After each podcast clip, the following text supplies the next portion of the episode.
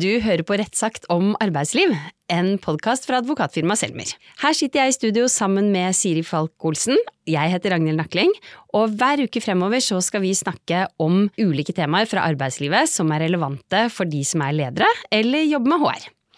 Og på de 15-20 minuttene du skal være med oss, forhåpentligvis hver uke, så tar vi utgangspunkt i en del saker vi møter som advokater. Vi kommer til å snakke en god del om juss, men vi kommer også til å gi dere mange praktiske råd på hvordan dere skal løse situasjoner som dere står oppi i arbeidslivet. Og vi jobber med arbeidsrett til daglig, og vi har gjort det i mange år. Eh, og som mange av dere lyttere kanskje vet, Jobber man med arbeidsrett, så jobber man samtidig hver eneste dag med juss, HR, business, samfunnsspørsmål og ikke minst mennesker, og sikkert mye mer. Og det er litt av en blanding, og det har gitt oss inspirasjon eh, til å holde på med podkast i nesten tre år. Og det verken klarer vi å slutte med, eller ønsker å slutte med. Så rett sagt, det er podkasten for deg som er leder eller jobber med HR, hvor vi diskuterer praktiske problemstillinger i arbeidslivet.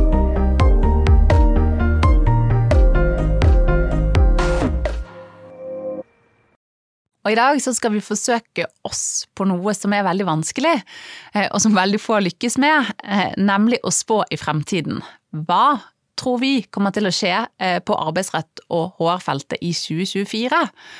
Hva må du som er leder eller jobber med HR være forberedt på i året som kommer? Og jeg er jo enig i at det ikke er enkelt å se inn i fremtiden, Siri, men spådommene våre de tas jo ikke helt ut av løse luften, da. For det første så baserer vi oss jo på situasjoner som du og jeg har møtt omtrent hver dag i de 15 årene vi har jobbet med arbeidsrett. De som om vi ikke møter de hver dag, så kommer de i hvert fall alltid opp i løpet av et år. Eh, som leder eller HR-medarbeider så skal det jo godt gjøres å komme unna spørsmål eksempel om hva skal til for å si opp noen hvis de gjør en dårlig jobb, eller hvordan man skal følge opp en sykemeldt ansatt, eller hvor mange feriedager kan denne arbeidstakeren som aldri klarer å ta ut ferie og bare bruker avspasering, overføre til året etter. Og når det gjelder den type saker, så er jo spådommen for neste år heldigvis ganske enkel. Der blir det same procedure as last year. Det er ingen lovendringer her.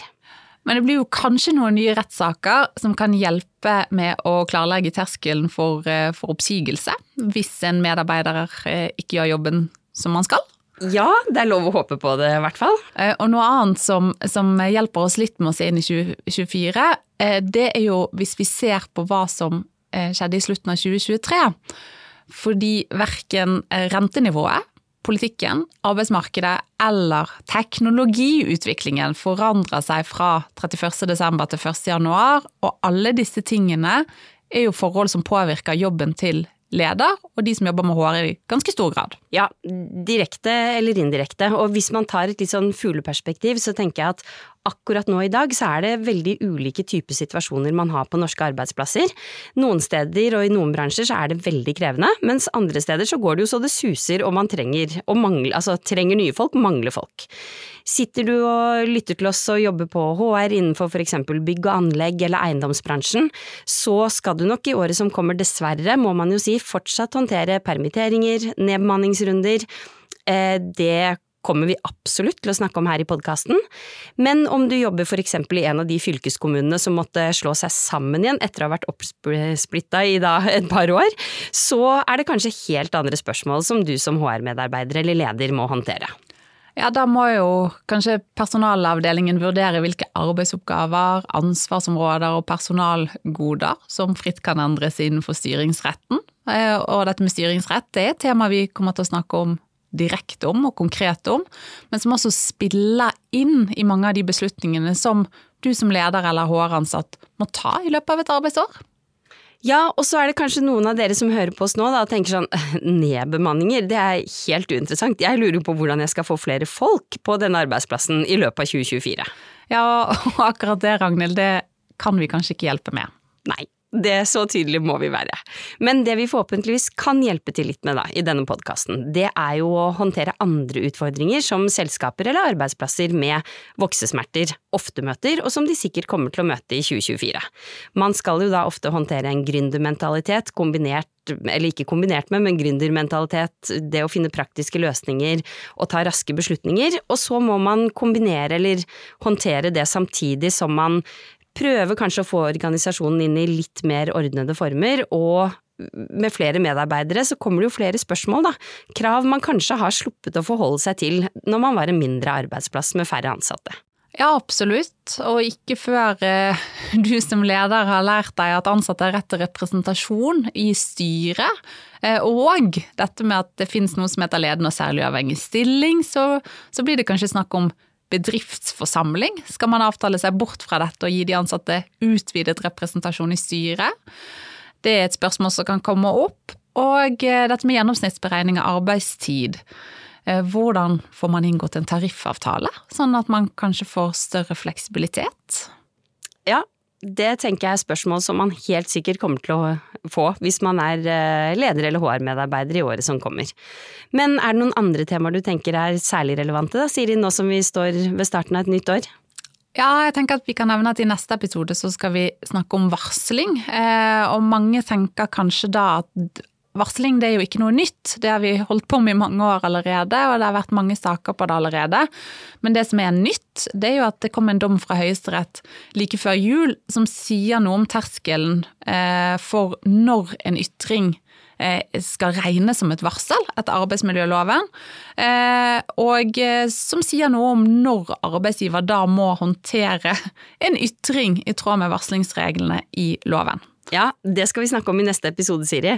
Men vi kan vel si så mye som at terskelen nå, den ligger meget lavt, og da snakker vi ikke dørterskelhøyde for å finne ut når noe er et varsel, men mer en sånn universelt utformet, eh, nesten ikke-eksisterende dørterskel. Så her skal eh, nesten i hvert fall alle negative ytringer med.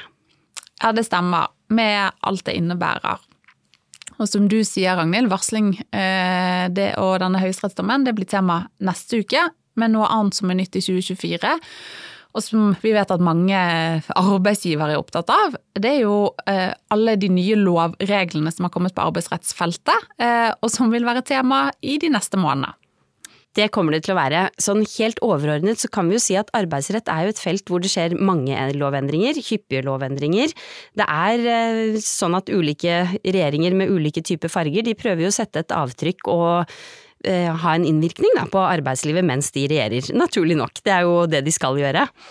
Og på en måte så tror jeg nok det er sånn at de fleste norske politikere er nok ganske enige om hva som skaper et godt arbeidsliv, eh, og hvor viktig det er med regler som verner mye av det gode som vi har i norsk arbeidsliv allerede.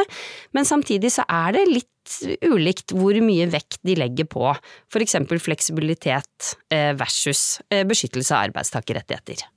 Ja, og så tror jeg det er helt riktig som du sier at alle norske politikere eh, er opptatt mye av det samme, og de vil nok ofte si at de både er opptatt av fleksibilitet for arbeidsgiver eh, og et godt arbeidstakervern. Eh, men likevel så er det ikke noe tvil om at den rød-grønne regjeringen som vi har hatt noen år, har kommet med mange nye endringer for arbeidslivet de siste årene. Og mange av de knytter seg mot arbeidstakerrettigheter. Eh, og veldig mye trådte i kraft 1.1 nå i år. Det gjorde det, så vi tror nok at en del av dere som hører på oss allerede vet en god del, eksempel om utvidet arbeidsgiveransvar i konsern, nå som det er nye regler for nedbemanning knyttet til hva som ligger i annet passende arbeid, knyttet til fortrinnsrett. Og så har dere sikkert også fått med dere dette med at de som nå er Ehm, hva skal vi si, de som man tidligere kunne lure på om var arbeidstakere, nå skal man jo i utgangspunktet tenke at jo, de er arbeidstakere. Men samtidig så er det jo sånn at det er fortsatt lov å være oppdragstaker, det skal vi snakke mer om senere. Og om et par år så har du sikkert glemt hvor stress det var i 2024 da, når du måtte sette deg ned og ringe rundt til andre HR-avdelinger andre steder i konsernet for å høre om de hadde noen ledige stillinger før du kunne gjennomføre en nedbemanningsprosess. Ja, og Ragnhild, for ikke å snakke om at um man må forberede seg på eh, nesten å ha gjennomført en ny ansettelse, altså i de tilfellene hvor man har gjort det, funnet frem til riktig person, og så i de tilfellene hvis det da man får en telefon fra en av de som måtte gjennom en nedbemanningsrunde, som man holdt på med for ja, over et år siden, og denne personen krever stillingen pga. fortrinnsrett, og hvis du da er kjapp og tenker over ett år siden, da er, altså er fristen utløpt for å få fortrinnsrett, så må man jo huske at oppsigelsestiden kan jo ha løpt ut for under ett år siden. Og da har eh, denne personen faktisk fortrinnsretten i behold. Og når vi sitter og snakker om dette, Siri, så merker vi jo begge to at det er jo nok av temaer å ta tak i, og nok av detaljer eh, som vi kan diskutere i podkasten nå. En ting til vi kommer til å snakke om knyttet til dette med fortrinnsrett, det er jo hva som ligger i det at en person skal være kvalifisert, for det må man for å ha fortrinnsrett. Der er det både faglige kvalifikasjoner, det er personlige, og da er det kanskje ikke sånn at du må bytte ut den ansatte du opprinnelig hadde tenkt til å ansette, selv om noen banker på døra og sier hei, jeg har fortrinnsrett. Det kommer jo da an på forutsetningen til den som hevder å ha det. Det skal vi snakke mer om i en senere episode. Ja, og så En annen regel som jeg tror mange av de som hører på oss vet om, det er jo lovfestingen av de viktigste momentene i vurderingen av om en person er arbeidstaker eller oppdragstaker. Ehm, det skal vi snakke mer om, og da blir det aller mest fokus på det som nå står i loven. Eh, altså dette med eh, foreligger det personlig arbeidsplikt, ehm, eh, styring, ledelse og kontroll i tillegg til dette med den omvendte bevisbyrden. Eh, og så skal vi også innom noen mindre lovendringer som gjelder verneombud, eh, utvidet plikt til arbeidsmiljøutvalg, lovfesting av seksuell trakassering, altså hva er det, at man har fått inn i arbeidsmiljøloven, eh, og litt om midlertidige ansettelser. Dette er kjente temaer, men hvor det har kommet inn en del nye regler eh, i loven. Og så skal vi også faktisk se litt bakover i vinter, altså bak til, bakover i tid til 2023, for der skjedde det også en del. Vi skal gjøre det, for noen av de lovendringene som kom i 2023, de blir jo med oss nå over i 2024. Det er jo da man først og fremst eh, begynner å bruke dem, hvis vi kan si det sånn. Og de henger jo alle sammen med plattformen som Støre-regjeringen laget da de tiltrådte, som har mange um, uttalelser om arbeidslivet, den Hurdalsplattformen. Så blant annet heltidsnorm og innleie, det er også temaer som vi kommer til å snakke om senere i vinter. Og også et tema vi vet mange er opptatt av, nye krav til innholdet i arbeidsavtaler.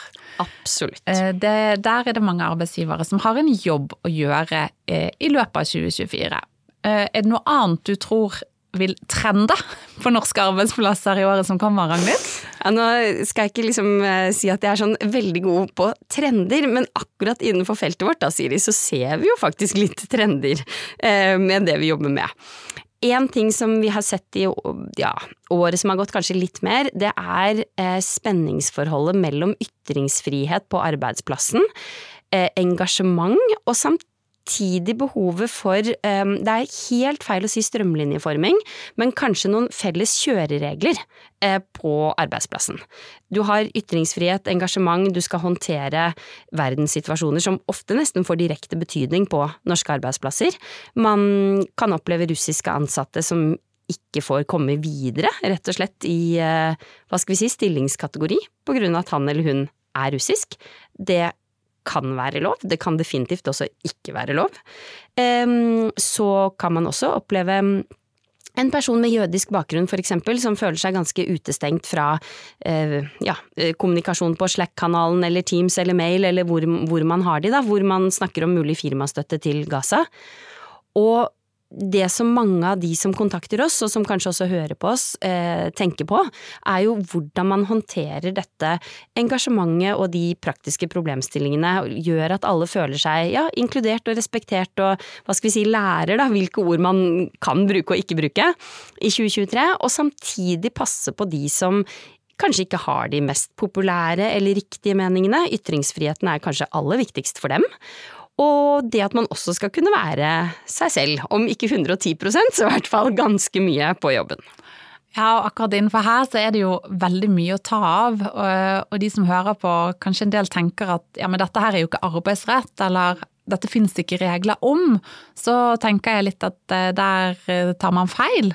Fordi at mange av reglene i arbeidsmiljøloven de kommer jo absolutt inn i disse vurderingene, om ikke det står i arbeidsmiljøloven, også andre lover.